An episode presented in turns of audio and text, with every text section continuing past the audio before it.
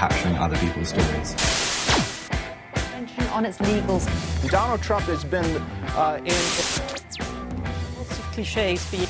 Japan's economy rebounded.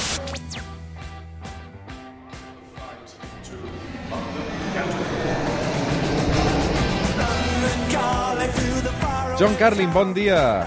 Bon dia, Roger. Com vas seguir les eleccions espanyoles, John? Uh, des del sofà de casa has anat seguint tot el que ha passat aquesta setmana? Sí, desde el sofá de, casa aquí en, aquí en Londres con, con, con, mucho, mucho interés. Eh, la primera reacción fue que es justo lo de, lo de Vox, ¿no? que han llegado a 50, de 0 a 52 diputados en, en tiempo récord, en tiempo Ferrari. Em, y después, claro, la, la, la, noticia un poquito más em, calmante de que, de que, bueno, desde mi punto de vista, otros no, pero de que el PSOE y Podemos han llegado a un, a un preacuerdo y, y que parece bastante probable que por fin eh, se va a formar un gobierno y que no necesariamente volverá a haber elecciones generales dentro de los próximos tres meses. El proyecto político es tan ilusionante que supera cualquier tipo de desencuentro que hayamos podido tener durante los últimos meses. Pedro Sánchez sabe que podrá contar con toda nuestra lealtad y que vamos a dejar lo mejor de nosotros mismos en este gobierno. És curiós perquè fa només unes setmanes Pedro Sánchez deia que no podia dormir tranquil si tingués ministres de Podem i en canvi ara, després d'aquestes eleccions, al cap de dos dies, patapam, abraçada amb, amb Pablo Iglesias. Què ha canviat? Mira, Mira, mira, yo, yo creo que obviamente es el primer impulso y el mío también es, eh, bueno, mira, que el, el, tipo es absolutamente incoherente, eh, qué mal que lo hizo la otra vez cuando tuvo la oportunidad de formar un gobierno de coalición con más diputados y todo lo demás. Bueno, está bien, es, es, es, es, eh, natural y además es, fácil tirarle piedras, te lo pone ahí, eh, bueno, a huevo, ¿no?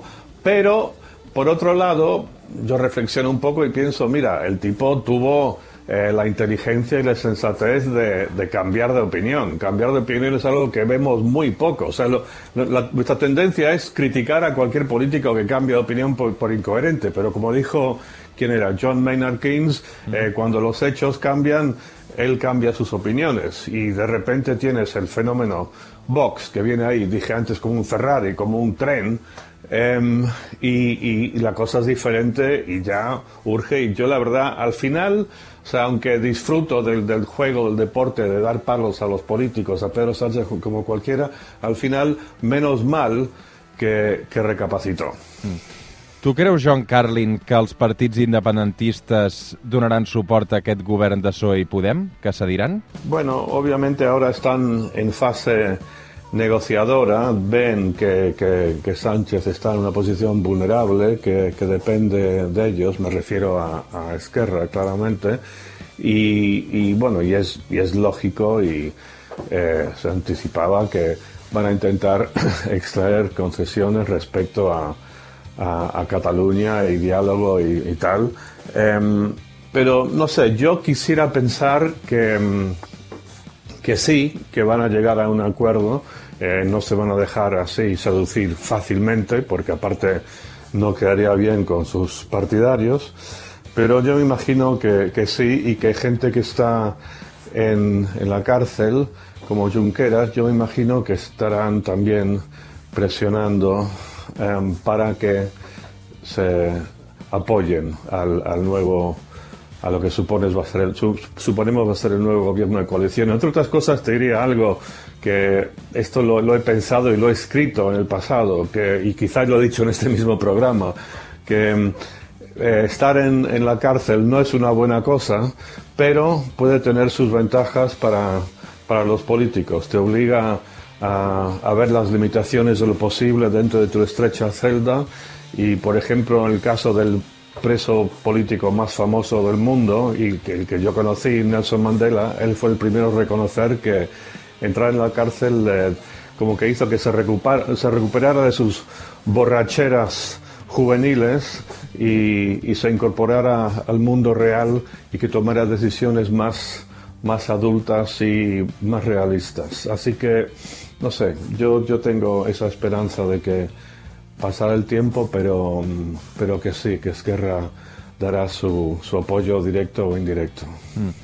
Seria el primer govern de coalició que hi hauria a Espanya en democràcia, tot això. John Carlin, no hi estan gaire acostumats aquí, en aquest cas, a l'estat espanyol. Sí, sí, sí, sí, no, y yo creo que eso en sí es algo, sería algo positivo, porque justo una de las cosas que, que distingue a España de, de otros países, de otras democracias europeas, es esta, esta intransigencia eh, congénita, este, este- este- estos hábitos mentales absolutistas, la, la dificultad que la gente tiene en dialogar y llegar a acuerdos en los que todos tienen que perder un poco para que todos salgan ganando.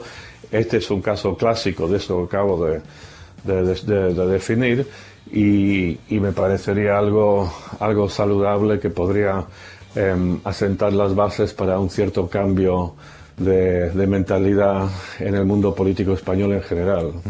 Per acabar, John, què et va semblar el comiat d'Albert Rivera? Bueno, em, pobre Albert Rivera, so, tuvo su oportunidad también, hablando de esto de gobiernos de coalición, de haber entrado en un gobierno de coalición con Sánchez, em, podía haber sido ministro de algo. em, su, su vanidad, su, su orgullo le, le cegaron. Es una viejísima historia, es una historia que ves en las tragedias griegas, eh, que, que el orgullo te ciega y, y acabó eh, autodestruyéndose eh, como figura política. Pues mira, adiós y, y- y mala suerte.